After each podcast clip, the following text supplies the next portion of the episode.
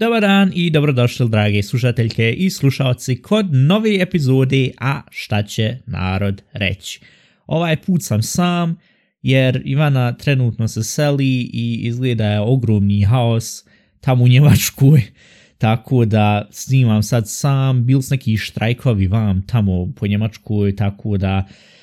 malo je komplikovana sad situacija i sad Ivana ti ako ovo čuješ, nadam se da sve funkcioniše i da nisi zgubila svoje živce. Pošto je bila rekla, ju, moram ipak sad transporterom ovu kompaniju nazvat da mi to sve povuče, imam tam, nadam se da će funkcionisat. I šta ja znam, nadam se da te neće financijski sve to razjebat. Uglavnom, šta ćemo mi danas rad, mi sad svi što smo ovdje se skupili i što ćete samo mene slušati, a ne Ivanu isto,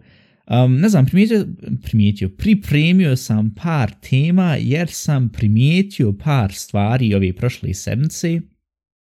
Prvo sam mislio razmišljati, rekao, sad kak nema Ivani, pošto šta ću sad s njom pričati u te teme, jer ona već zna od prilike kakav će izgledat stan vam tamo, a sam bio nešto za sebe razmišljao, rekao, kako bi izgledao perfektni stan za mene samog. Mislim, ako sad, hajmo sad reći, budžet ne bilo sad nikako,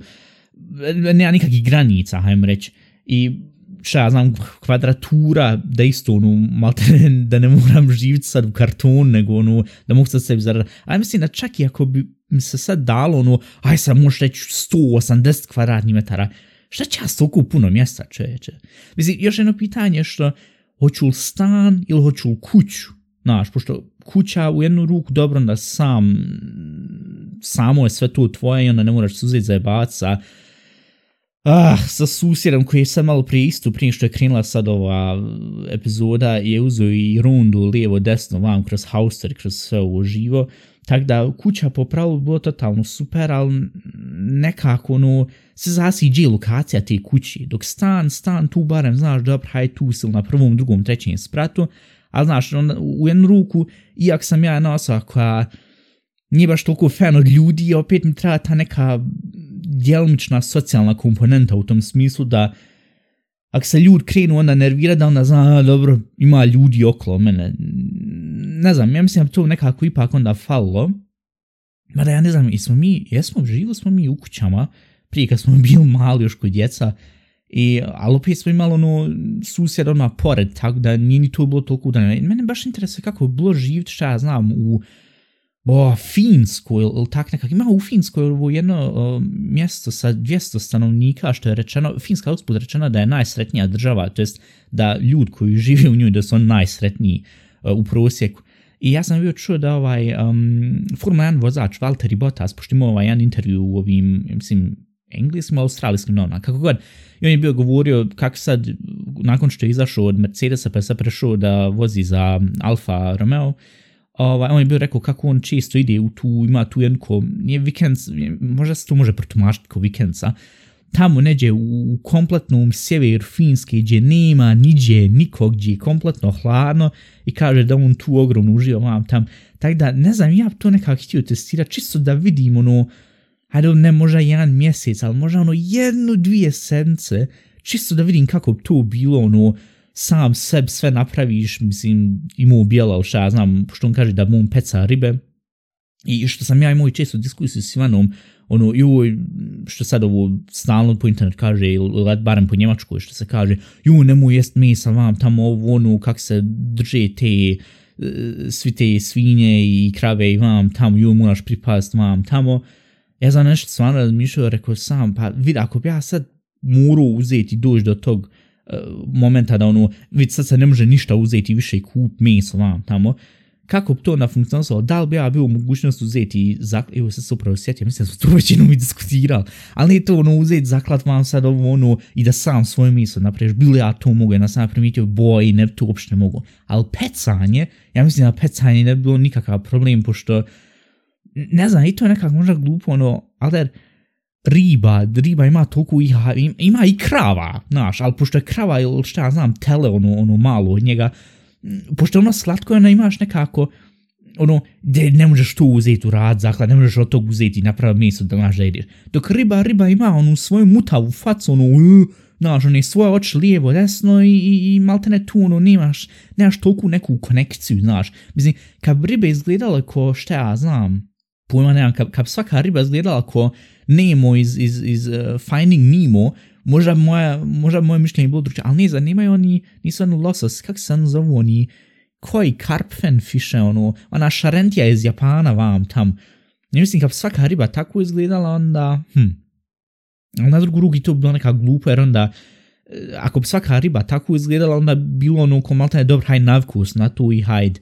Malta ne isto koji ovi, dvije, koji ovi ribe na dvije noge. Znaš, ako svaka izgleda predivno, onda, znaš, nekako i izgubi se zainteresovanje, pošto malta ne sve isto. Mada na drugu ruku,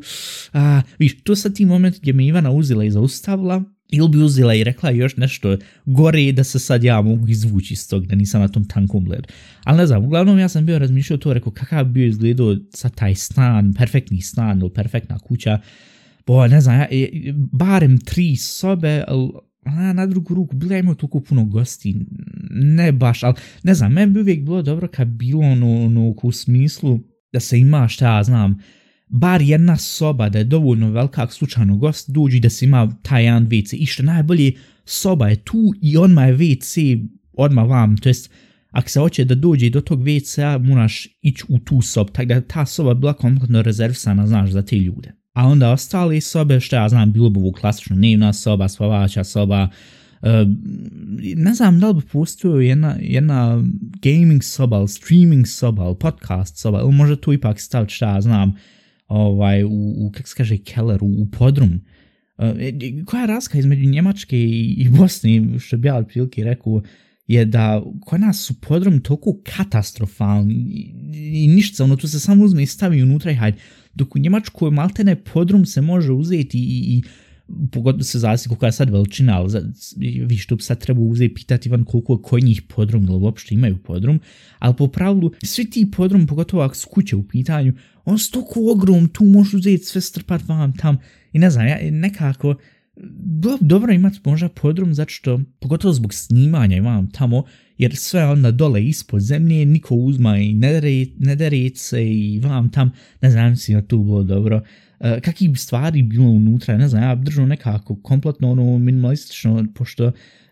jo, na Instagram imaju sad stalno ovi reels tamo how to make your gaming room ili il, tak to u tom smislu, ili kak se ono zove, man cave, o, kak, kak se kaže cave na našem pećina, muška pećina i onda uzme i stavi unutra onaj pinball, onaj, onaj tipični fliper, znaš što se nađe u onim, onim kašemama, kak se to kaže na našem, onim, onim kafićima, onim, onim baš što su falša vam tamo, jer ide tu, haj valja. Ne znam, meni uvijek fliper bio nekako,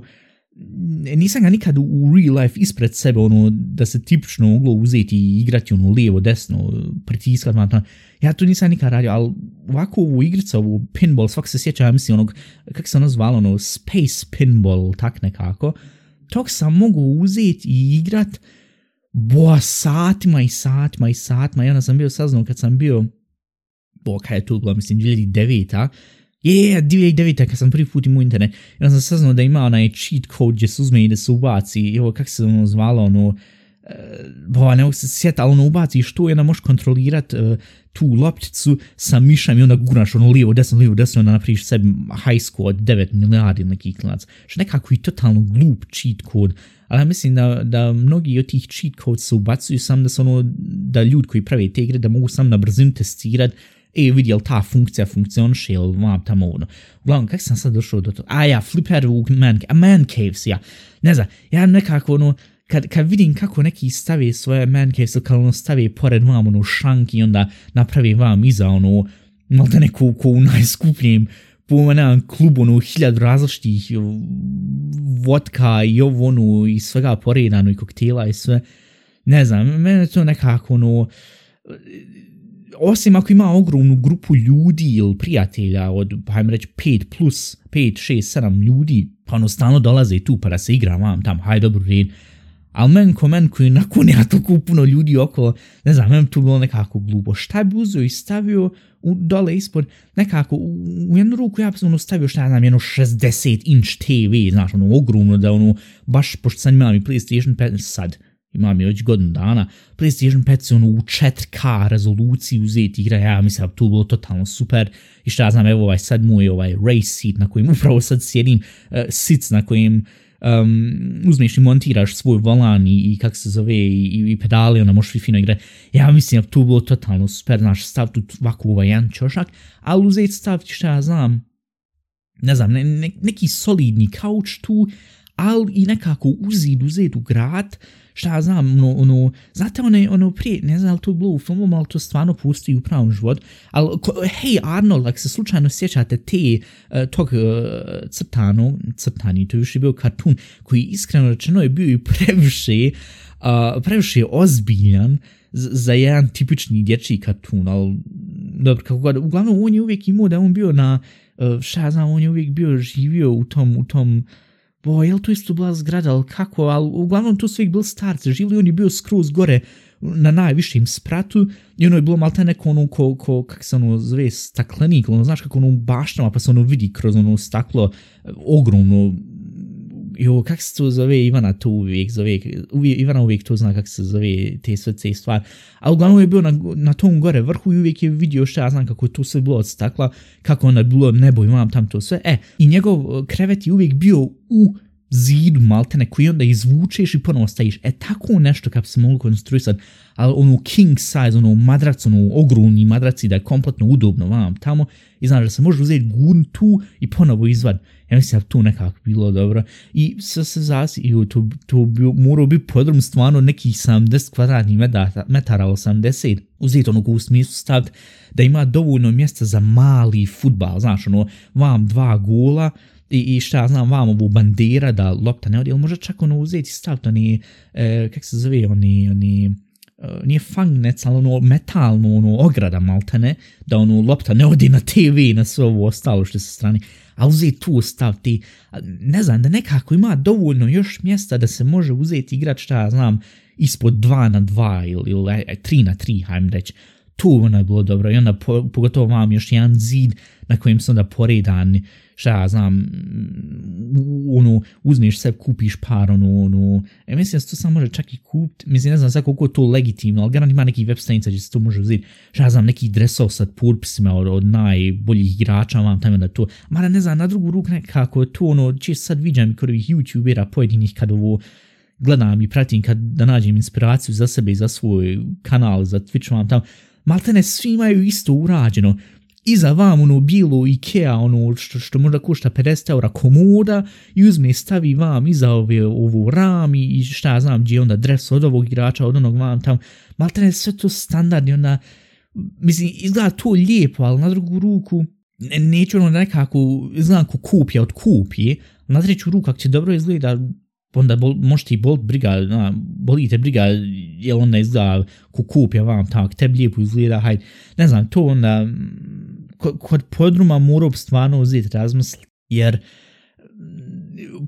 sve, sve zavisi koga, ali mislim podrumi u Njemačkoj ne mogu biti toliko ogromno veliki, to ti uvijek neđe, šta ja znam, pff, tako uvr glavi 20 kvadratnih metara maksimum, ne znam, ali kad se to nekako moglo u retu, bilo super, ali tako je sad nešto sitno da sam uzeti ubaciti najvažnije stvari, šta znam, kompjuter vam, tam i hajde. Um, uglavnom što se tiče stana ko stana, ne znam, ja nekako inače držao, pošto ja mislim da je Ivana kompletno uh,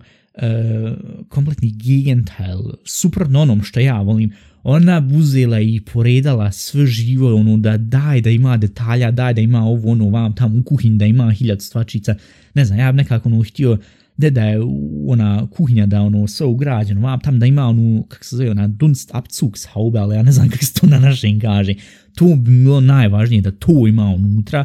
i znaš da se ona fino može uzeti kuhati vam tam i da se ono, ono clean, da, da nema ono, da hajde da se vam stavi neki cvijet i da se vam stavi još neki, naš, neki aksesuar koji će samo uzeti fatat prašno i to maltene najviše što me sad i trenutno nervira što u ovoj sad kuhnji što imamo, znaš, to, to neko uporedano vam tam, da daj da je sve, nek bude sve u jednoj boji, nemoj sad ovo bude crveno, ovo bude sad bež, jer jo, toliko se dobro uklapa, ili jo, moraju biti komplementarne boje, nek bude plavo sa žutim, ali te ne crtam šta ja znam, dizajn za, za, za, za neki projekt, hoć sam da, da kuhinja izgleda, da kad uđeš da znaš, ej, vid, tu je kuhinja. Najbolje nek bude sve od granic crno, sve živo i, i šporet i, i, i, i šta ja znam, i stolce i stolo, sedneš tu, fino jedeš i, i fertik, znaš, da kuhinja bude ono mjesto, ej, vid, tu jedem i, i da imam sve na svom mjestu, da ne bude, joj, gdje se sad nalazi ova zdjela, ona je zdjela vam tamo, što mi bilo neki dan, gdje sam tražio maltene 15 minuta ovu zelenu zdjelu, jo, Ivana, Ivana zna tu zelenu zdjelu, ja mislim da je ta zdjela još starija od nas dvoje zajedno,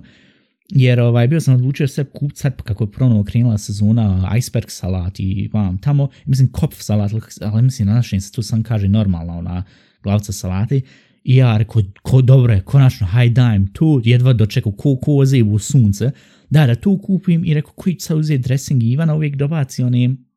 dobaci, pošalji, uh, il, il donese ono, kad, su, kad uvijek ono dođe tetka iz Njemačke i onda se vadi onaj uh, kofer i onda oni sa strani ja čokolada vam tam, ali jesi li ti donijela oni knor, oni, oni gemüse mix, salat mix, ono, što je onda paprika unutra vam tam, jesi ti to donijela, onda vidiš ono ima upakovanje od pet i ona donijela ono četiri puta pet, ti i onda predivno onda uzmeš se na prič salat. E to, ali pošto sam to već ispucao i nemam više, i rekao, joj, da vidim, da odim u supermarket, da vidim kakih ima dressinga vam tamo, kažu on, joj, ti dressings, nemoj uzmat to, korist radi je sam, naprav vam tam, puno šećera vam tam, ali problem je što sve te, kad ja ukucam sad i recepte za te neke salate, da malo tu poboljša, da barem ne šmeka ono, ono da, da sam ideš travu u tom smislu, ja i kad to pregledam, kad on kaže, ja, ubace timijan, ubace ono, jebote, živo, bankrotirat ću ili ne mogu uopšte ni naći to sve od sve te stvari, mam tamo, znači, gdje se kup taj neki dressing i hajde. Što zbog da ja bio gledao, rekao, pošto stvarno duže, duže vremena nisam te dressinge kupovao, jer uvijek ono što se bilo kupovao, ali je bilo ono od, kak se ono, ja to je njemačko, ono, kune, znaš, i, ovaj, i tu onda ima ono, šta znam, garlic sos i ima razno razne te take dressinge i ono, sweet and sour vam tam to sve. I ja rekao te da vidim jel ma tu sad ponovo kad nema, nema ništa. I ja rekao te da odim u ovaj drugi, da odim u ovu Masonsu, pošto oni uvijek imaju ono barbecue sos i vam tam da kažu, ja imaju ovi vam pored ono, kak se ono zvalo, ono, ono, ma nešto ko sa ananasom miješano vam tam, pa tu isto valja vam tam. I rekao, da vidim to, ali rekao, haj nica baš da eksperimentišem, dam nešto no klasično, znaš, što uvijek valja. Jel, što, što znaš da ne možeš uzeti pogriješiti. Ja da vidim, jel ma to ponovo od kune, nema ništa kune, bila više ne predaje na bosanskoj teritoriji, predivno. I rekao, da vidim što ima drugo, ima ovu holandsku, kako sam zvala, ono, rim, jel tak nešto. I kaže, ima cocktail sos, ima taj garlic, ali nekako ono, vo garlic je ona poslije bazdiško najgori penzioner, onaj koji duđe, šta znam, u banku ili u pošti pored tebe stoji i, i znaš, ono, ne diše kroz nos, nego ono, kroz usano, i ono, taman, ono, tebi uvrat, ono, iza bazdi u tebe, i, a, i uglavnom rekao, haj nemoj garlic, to ide da vidim ovo koktel sos, šta je ovo, vam, tam nikad testirao, nisam vakt naranđasto, rekao, hajde da uzmem to, pa ću vidjeti testira 250 ml, ja mislim, tri marke 30 ili tri marke koštalo, hajde, valja, valja nić biti toliko šajsa. I uzeo ja to došao kuć, vam tam, haj sad naprav salat, očistio salat, vam tam, i haj sad stav u tu zelenu zdjelu, i da sad ja stavim taj koktel sos unutra. Kad ja da pogledam još jednom salatu i sva sreća pa sam je još jednom ono, pogledao prije što sam krenuo da ono, stavim, pošto sam pored slušao još i podcast i sve, ja ono, maltene, znaš, ono, maltene rutinski mahnalo stavim unutra i haj sad da jedim. Ja da pogledam salatu, kad unutra neki, neki, da ima kak ne znam kak se taj insekt zove, ali ono, nije ni skakavac, ali ono, kompletno nis, mala verzija skakavca izgleda ako da može skakat, ali siv, a znaš, skakavci su zelen. I stoji on unutra i vidi se ono kak njegova ono usta, ždere on moj salat. Rekao, pujebim ti ja, mater, ti jebim, šta se usuđuješ da žderiješ moj salat, ali, se, ali ja sam nju uzeo i platio, mislim, dobro, sva sreća salata, barem nije toliko skupa ko što je sad još uvijek je šeri tomata, ali opet, otkud te pravo da ti uzmaš da to žderiš, ona sam ono rekao, u jednu ruku, ono jedna polovina mog mozga razmišlja, u, džaba protein, a druga polovina ono razmišlja, pojebujem ti život. I sad ću ga uzeti i istresti i baciti, rekao, jer ono, a tada šta ovaj majmun radi unutra u mojoj salati? I ja bacio to i šta sam nadeslo, pošto š, ako on jedan tu, a ja sam uzeo i pregledao svaku onu lisku, ono, uzme i otkini se, otkine se uh, podvod vam, tam, sve to, i rekao, vid, ako on tu već bio, a ja ga nisam vidio, da radi uzmi i pregledaj ponovo. I onda, a pošto sam ja sad kupio najveću glavcu salate koju s mogu uzeti kupcom supermarketu,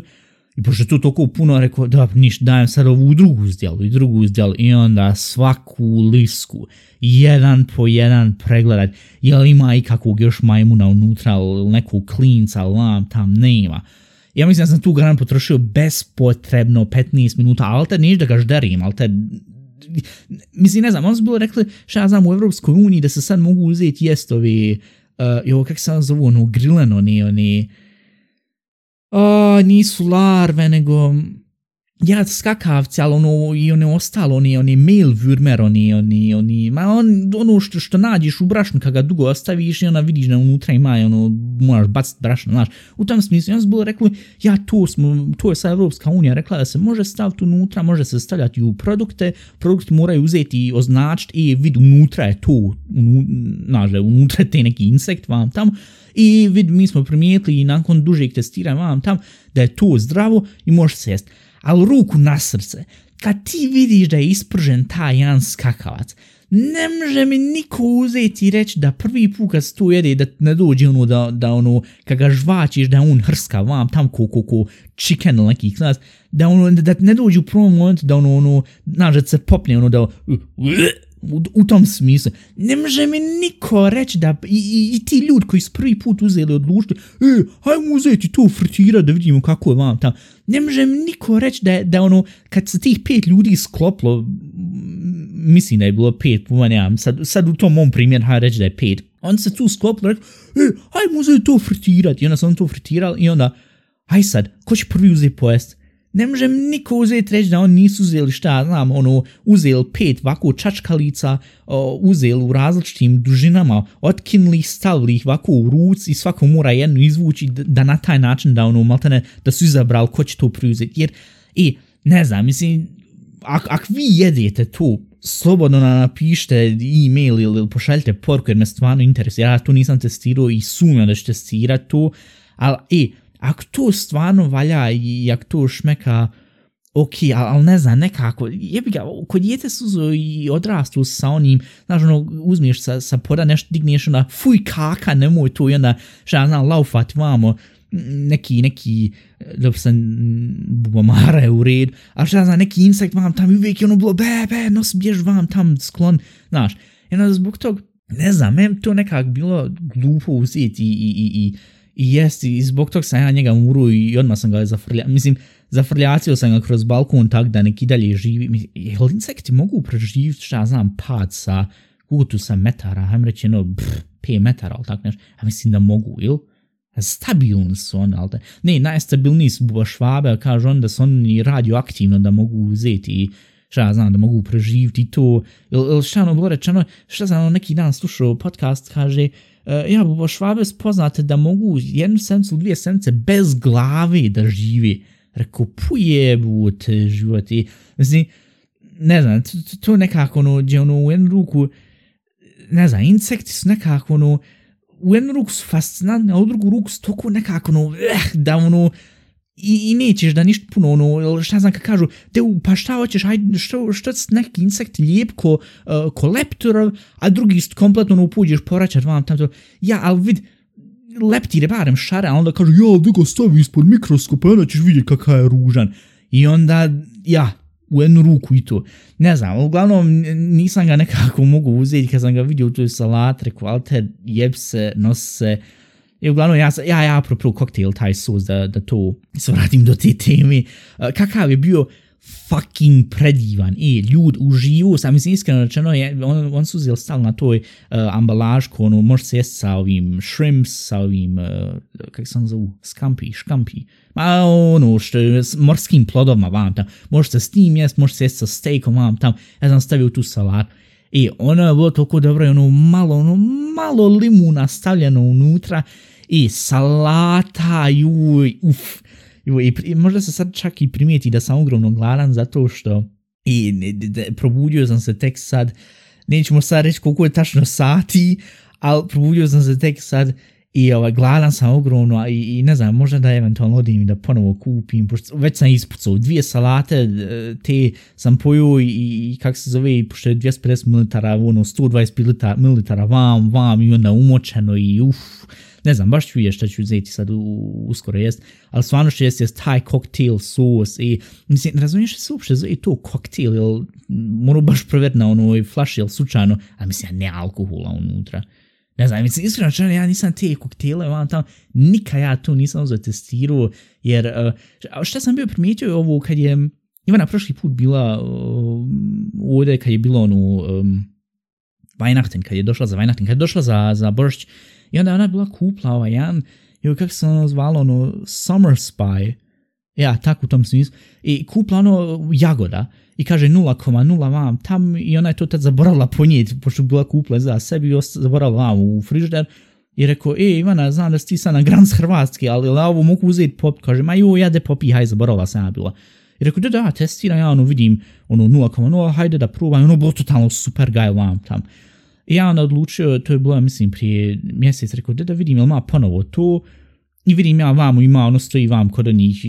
šarentija u alkohol vam tamo, i rekao da vidim da ponovo kupim, pošto stvarno što jeste, je da skupo, ja mislim, Marku 90 ili neki klinac, ali rekao, haj jednom ugod možeš se tu kupiti. I kupio, i to što jeste stvarno šmeka. I rekao, da vidim, jel ima ostalih nekih verzija, šta ja znam, pošto je tak tu bilo strawberry, jak tu bilo jagoda, jel ima, šta ja znam, borunca ili, ili, ili šta ja znam, lubenca, ili tak neki klinac. Ja vidim, ima ono i haj stvari. Rekao, haj, da, da uzmem. I ja ovaj, pred kasom već ono da istresem se vam tam kada primijetim, a ima ono alkohola unutra, rekao, uuu, neka, neka, hvala. Jer ne znam, ja sam primijetio da, eto, taj Summers by uzeo testirao, totalno super. En ono što je bilo što sam bio pričao, ono, limete marakuja, totalno super. Što je bilo ono i ono um, dragon fruit od, od uh, mislim, vitinkel koji je klinca. To je totalno super. Take neke stvari, ali te dajem tu jer u to mogu uzeti uživati. Kad sam vidio da taj ima isto, to je bilo ovo, jel u boronca, ali nešto ljubčasto uglavnom je bilo. I rekao, da da uzmem, znaš, da testiram to kako je bilo. Ja mislim da, pošto pivo, što sam bio prije IHH epizoda o jednom ispričao, pivo ja ne mogu nikako, to jest imam neku alergijsku reakciju protiv tog pojma, ne imam, možda sam i u podsvijesti azijat do nekog procenta, pošto je ono, jedna, jedna se popije, kak se zove, piva i onda već postanu crveno, oni, oni bekhen, kak se kaže, oni, faca im postane jednostavno crvena. Tako da može biti eventualno i to. Ali ja mislim da što se tiče tih summer spy, tih nekih, šta ja znam, stvačica, vam tam, to jest tih nekih pića koji su šaren tu i malko, ja mislim da se ja tu totalno mogu doući na to, to jest, znaš, da me, da me navuče na to, da hajde da popijem onda jednu, dvije, pet i hop, eto ti alkoholizam. Mislim, ne znam, ja imam nekako osjećaj da sam ta, ono, vrsta osobe koja je stvarno, uh, uh, kako se kaže, prone, stvarno toliko lako se može uzeti i navući na nešto. Prije rad, zato ja ne idem u, ni u kladionce ili ne kladim se vam tamo, pošto, ono, znaš, povučete jedno i hajde, ili šta ja znam što sad isto dobijam sad ove reklame, alter, ove jebene reklame na Instagram, ja stalno, ono, kažem, Ivan, šta ono, bilo par puta što sam rekao, uh, kad je bio onaj Mario Kart turnir koji mi je bila pričala, ovaj, ja njoj kažem, neću ja da igram tu igru, tu je lutrija, Ja sam rekao par puta Lutrija i od tog dana ili od te epizode ja na Instagramu dobijam, znate oni, oni, oni, um, kako se ono zove, ein armiger bandit, ali ne znam kako se to naše kaže, ono što se povuče prema dole i onda ono vrte se ono diring, diring, diring i onda ako bude tri sedmice onda osvojiš, ne znam, jaj, para vam tamo. E, to u virtualnom smislu ja sad dobijam ko reklamu. I to meni je toliko na živce. Ja ne znam, sam to uzao i pričao privatno, s Ivanom sam već pričao i u podcastu, ali ja, ja mislim u onoj mojoj blok listi od šta ja znam, ljudi od influencera koji onda ubrace ono uh, sponsored post i onda šta ja znam, neko sa Balkana uzme, uslika selfie i onda uzme i šta ja znam, plati Facebooku, Instagramu 5 dolara da se to onda prikaže i da dobija više likes vam tamo. Ja u toj listu, u toj blok list imam njih i imam toliko tih nekih tih nekih kazino aplikacija koji malta ne svi funkcionišu na isti kalup, samo su drugčije boje vam tamo I hajem sad, znaš, da, da, for free, ono, džaba, i onda kad uzeti da pare zaradiš, hop, izvuku ti šta znam iha haj para iz tebe, jer za novu šancu haj uzmi ponovo uplat 5 dolara ili 5 eura ili 5 maraka ili pojma nemam šta. I, I to je toliko mi ide na živce, ali šta ja znam ovo, ka, kak se zove, Cash of Clans, ne, Clash of Clans ili, ili tak neke aplikacije, ono, aj uzmi naprav sebi svoju, šta ja znam, zidlungovu, ovu, uh, selo i onda od tog sela da napravi se tvrđava i da napraviš se tvoj imperijum vam tam, to je sve na isti jebeni kalup i oh, isto ovo, ovo, šta je ono još bilo, ovo online football manager isto, ili ono što je prije bilo, bo, ali se, jel se ko još sjeća 2010. mislim sad od muškaraca koji sam slušao ovo, top 11 football manager, ili od žena koji slušaju ovo Farmil, alter fucking Farmil, holy fuck, kako se to uzelo vremena potrošilo, mislim, tad, koliko, koliko sam na taj 13-godišnjak, tad ti za Farmville nisi mogu ni kupiti te, šta je ono, taj bilo coins ili klinac, onaj, onaj novac ili, ili ono Treasure Island ili kak se ono zvalo, ono isto, uh, zato što nije tad bilo ni mogućnost da se kupi. Tad je ono bilo, znam, kad sam bio u Njemačkoj, ono što sam bio prišao prošle epizode, ono Schülervz, ono maltene privatni Facebook, i tad je bilo tih nekih igara, ono gdje mogu uzeti, imaš svoju, svoje ostrovo vam tam, i tad si ti mogu uzeti kupovati te neke novčiće vam tamo preko SMS-a, znaš, a vi znate kakvu sam ja imao istoriju sa kupovni igara sa SMS-om, vam tam tu prija epizoda što sam pričao, što sam malte ne bankrotirao pa morao promijeniti ovaj, broj tad. Uh, I zato zbog toga, e, to, to, to je nekako neke stvari što, što, što ono stvarno, a, gdje, gdje ono, fataju ljude na taj način, ja, de, možeš sad uzeti i poboljšati svoje ostrvo ili svoje, svoj ti, futbalski tim, ako platiš sad ili ako kupiš sad za 200 coins za 5,99 ili čekaj 12 sati, e. I to je toliko nekako te mikrotransakcije, to je najveći, najveći, najveći cancer, najve, najveći rak, najveći govnarija u današnjim igrama, jer ev, iskreno rečeno, ev igram sa FIFA ovu na Playstationu. I koliko tu sad, ono, ako hoćeš dobre igrače, možeš ti sad uzeti to grindovat, možeš ti sad uzeti to, ono, utakmica za utakmicom, utakmica za utakmicom, ba, ba, ba, ba, ba. Ali ako hoćeš sebi da skratiš put, kup se FIFA points za 14.99 i onda uzmi otvorovi paketi, pa, paketi, paketiće, paketiće i onda da dobije, da imaš šansu za dobrog igrača. E, I to je toliki šljam, alter plaćam već tu igru da ono igram, zato što hajde igram ono karijeru vam tam, a onda i ekstra plaćanje da onda imaš šansu za, za, za bolje igrače u FIFA Ultimate Team tu je toliko, toliko sranje i jedno što vam mogu uzeti reći je nemojte to kupovati kako god vam kaže, ono, ili kad kaže ono, da sad ima pups, što prije reći što je ono bilo, um, što sam ono igrao, kako se ono zvalo, ono, od mini klip, ja mislim da to i dalje još postoji, ono, 8 ball, 9 ball, ono, uh, što ljudi naši kažu, moja bilijar, uh, snooker, a snooker je kompletno drugo, ovaj, naš, u tom smislu, i ona kaže, evo sad je popust umjesto 9.99, sad samo plat 2.99 da onda otključaš se ono, to je toliko sranje i, i, i, ja stvarno, što je sad dobro, ja mislim u Belgiji, ne znam u Holandiji, ali ja mislim u Belgiji su se rekli, ne, sad oficijalno se ne može uzeti te mikrotransakcije su banovane, tako da sad ako bilo koju igru igraš, šta ja znam, ja ne znam kako je sad za Fortnite, ali znam za FIFA da ne možeš uzeti tam više i kupiti te FIFA points, nego možeš sam igrati na ovaj klasični način, što ja mislim da bi tako jednostavno trebalo biti za svaku igru koju kupiš na taj način. Ako su ove igre, šta ja znam, što se džaba mogu uzeti i skint,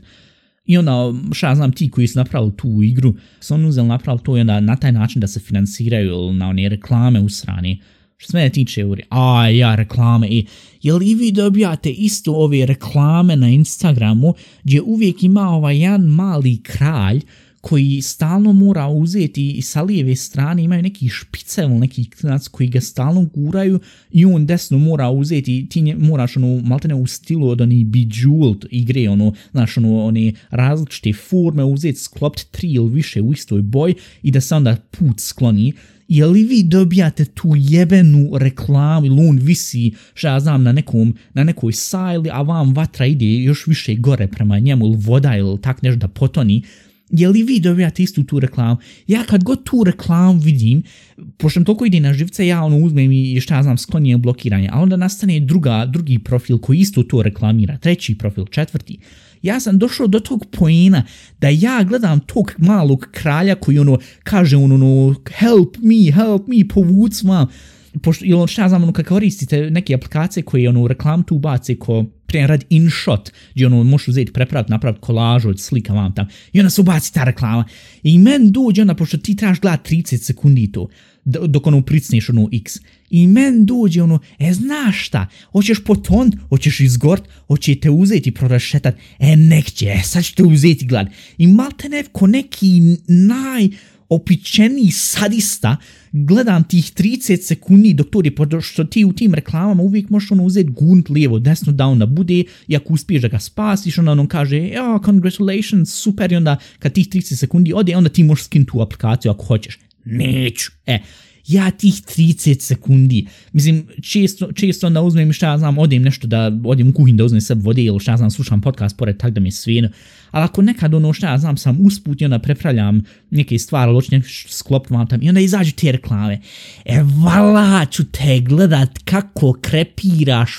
majku ti dosadnu, ja jebim, pa radije ću sebi uzet ekser i šta ja znam, kroz, kroz, krozno kad ga uzet i, i ovako sa čekćem izdrnda da prođe, nego uzet i, i, i instalirat tu aplikaciju, a kamol uzet i da te spasim. Ili šta se isto desi, ono,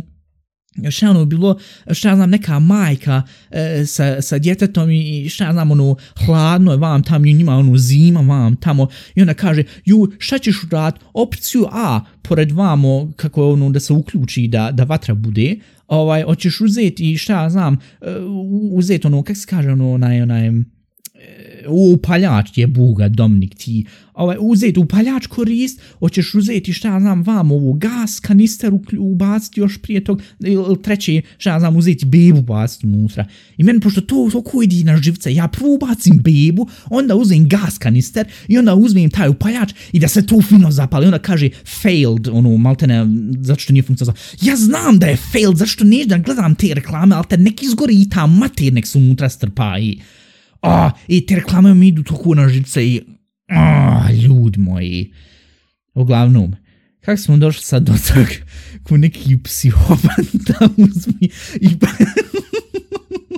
baci, baci bebu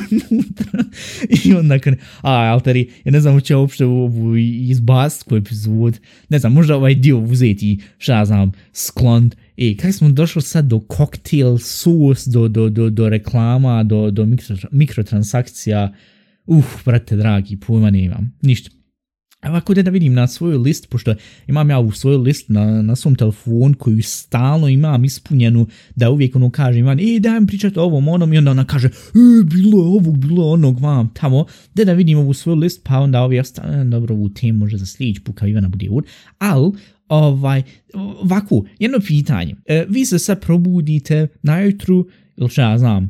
u 15 sati ko ja, i odete šta ja znam u WC da se umijete vam tam. Koliko vi često sebe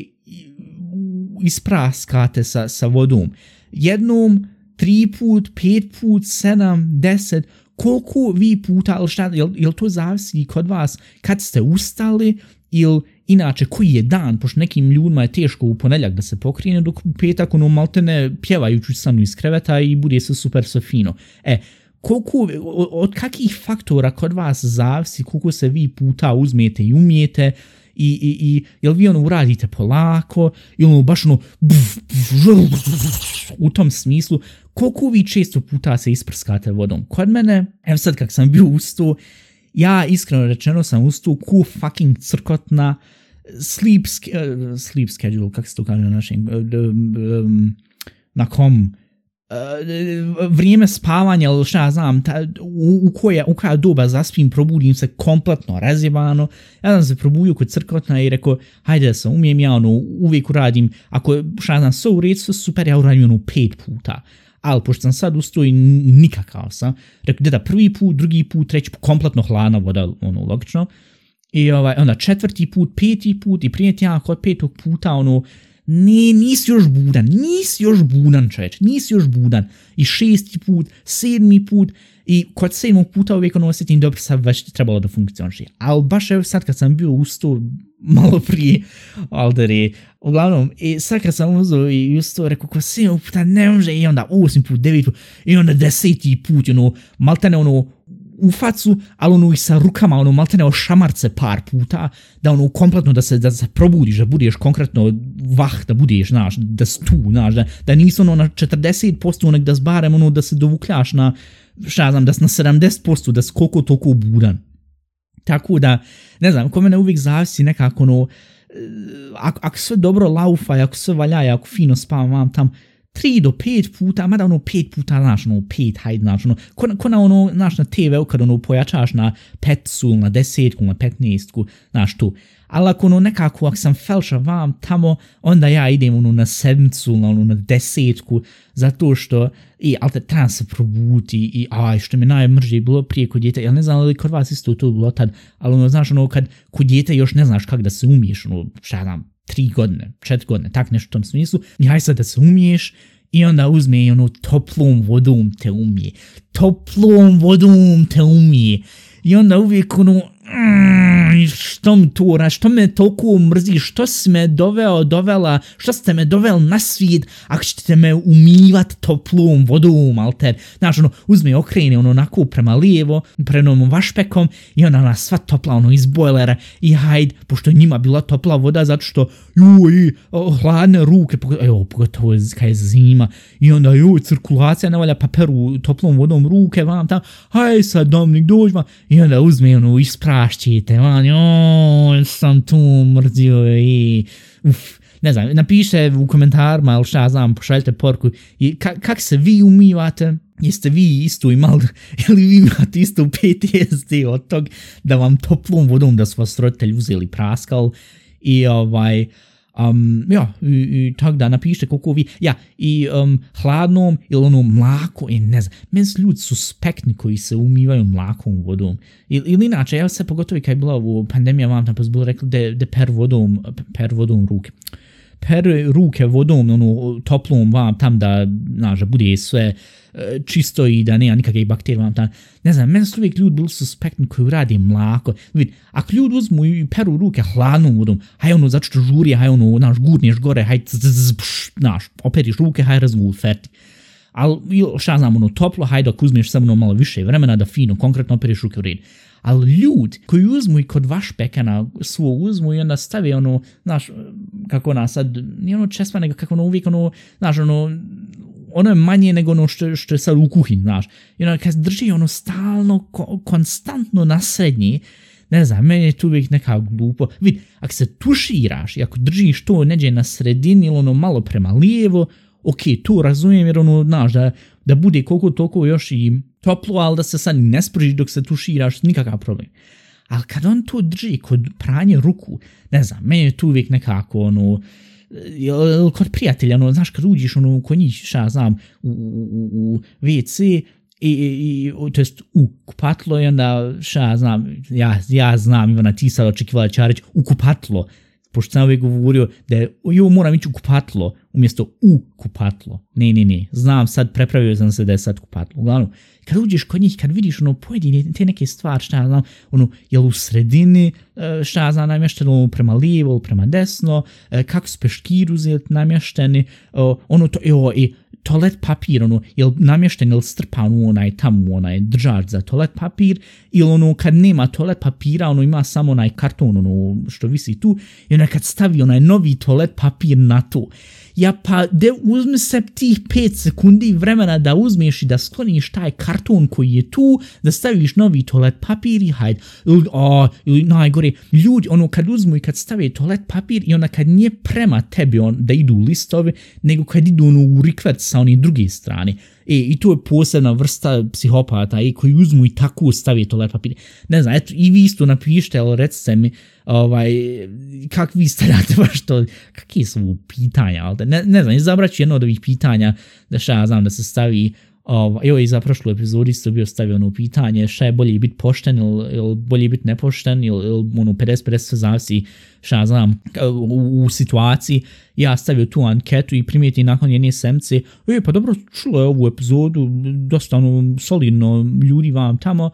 a što nije niko anketu uzeo i znaš, ono, niko nije ga votat, nije niko stavio glasu ja da vidim, ja stavim, ja uvijek stavim da ta pojedina anketa da laufaju od, šta ja znam, od tog dana od kad izađe epizoda do sljedeće godine, pa ako neko slučajno uđe tu e, na naš podcast i onda sluša sve te epizode, onda hoće uzeti glasat, no što ne da imaju tu mogućnost. Ja uzem nam, namjestio prošle uh, epizode da je anketa od 20 22. E, marta 2023, 2024. E, do 2025. umjesto do 2023. do 2024. I onda se čudio što nije nikog glasu. Eto, logika.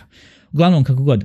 Um, ništa, ajde vid ovako da ja to već spakujem. E, 47, 8, koliko već ovo minuta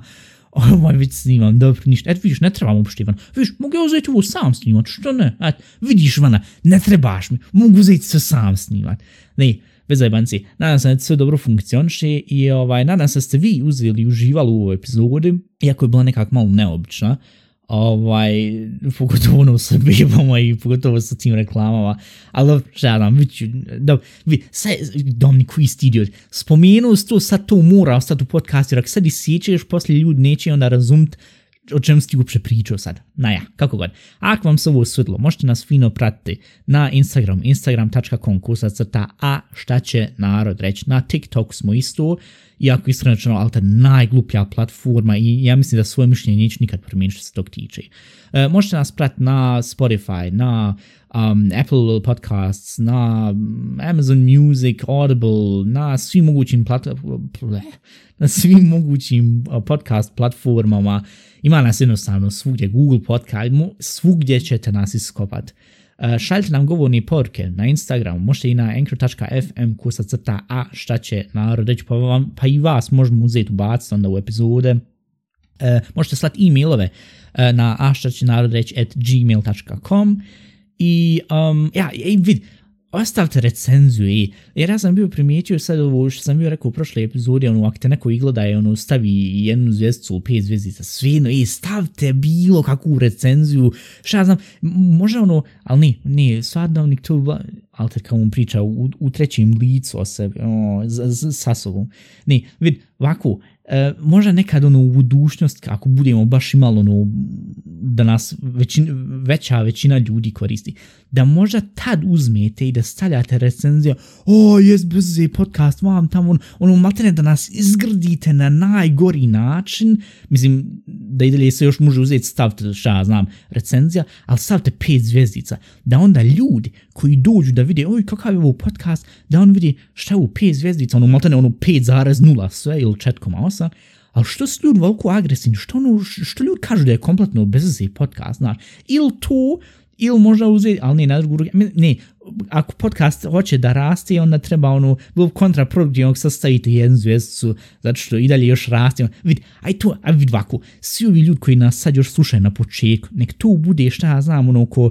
inside joke ili šta ja znam, ono, ono, maltene, sam između nas, znaš, između nas, koliko nas sad ima 195 ljudi nas sluša, znaš, između nas 200 kusur ljudi, da onda u budućnost kad nas bude bilo 20.000, primjer radi ili 200.000, da se onda uzme i kreni s tim recenzijama, ono maltene, pod komentarima, pošto sad svi uzmu i lijepo napišu komentare, vam tamo što je totalno super, a ono maltene, ono ironično uzi napisao, ju jeste bezzi, vam tam, jer da onda i ljudi koji stvarno oči da kažu ju jeste bezzi, da onda ne znaju, čekaj, jesu on sa stvarno bezzi ili nis bezzi, ili, ja, ja, ja, da ono, maltene se to sve toliko uzme i da se svi ljudi zbuni, da onda na kraju dana niko ne zna, e pa, šta je sad ovo čeče, kakav je ovo clusterfuck, znaš, što, što, što ih ljudi uopšte slušaju kad su bez veze, znaš, ja mislim da tu nekako, može, to onda nekako za ono pet godina, ali tak nekako, ja mislim da tu bilo dosta, dosta šaljivo, što bi rekli naši ljudi. Uglavnom, ništa, to je bilo sve za ovu epizod, čujemo se sljedeći put, čujemo se sljedeći put zajedno sa Ivanom, pa će ona onda eventualno, nadam se, ispričat šta je to sve bilo kod nje i um, ja, budite zdravi, budite fini i um, nemôžete bacať pare za mikrotransakcie.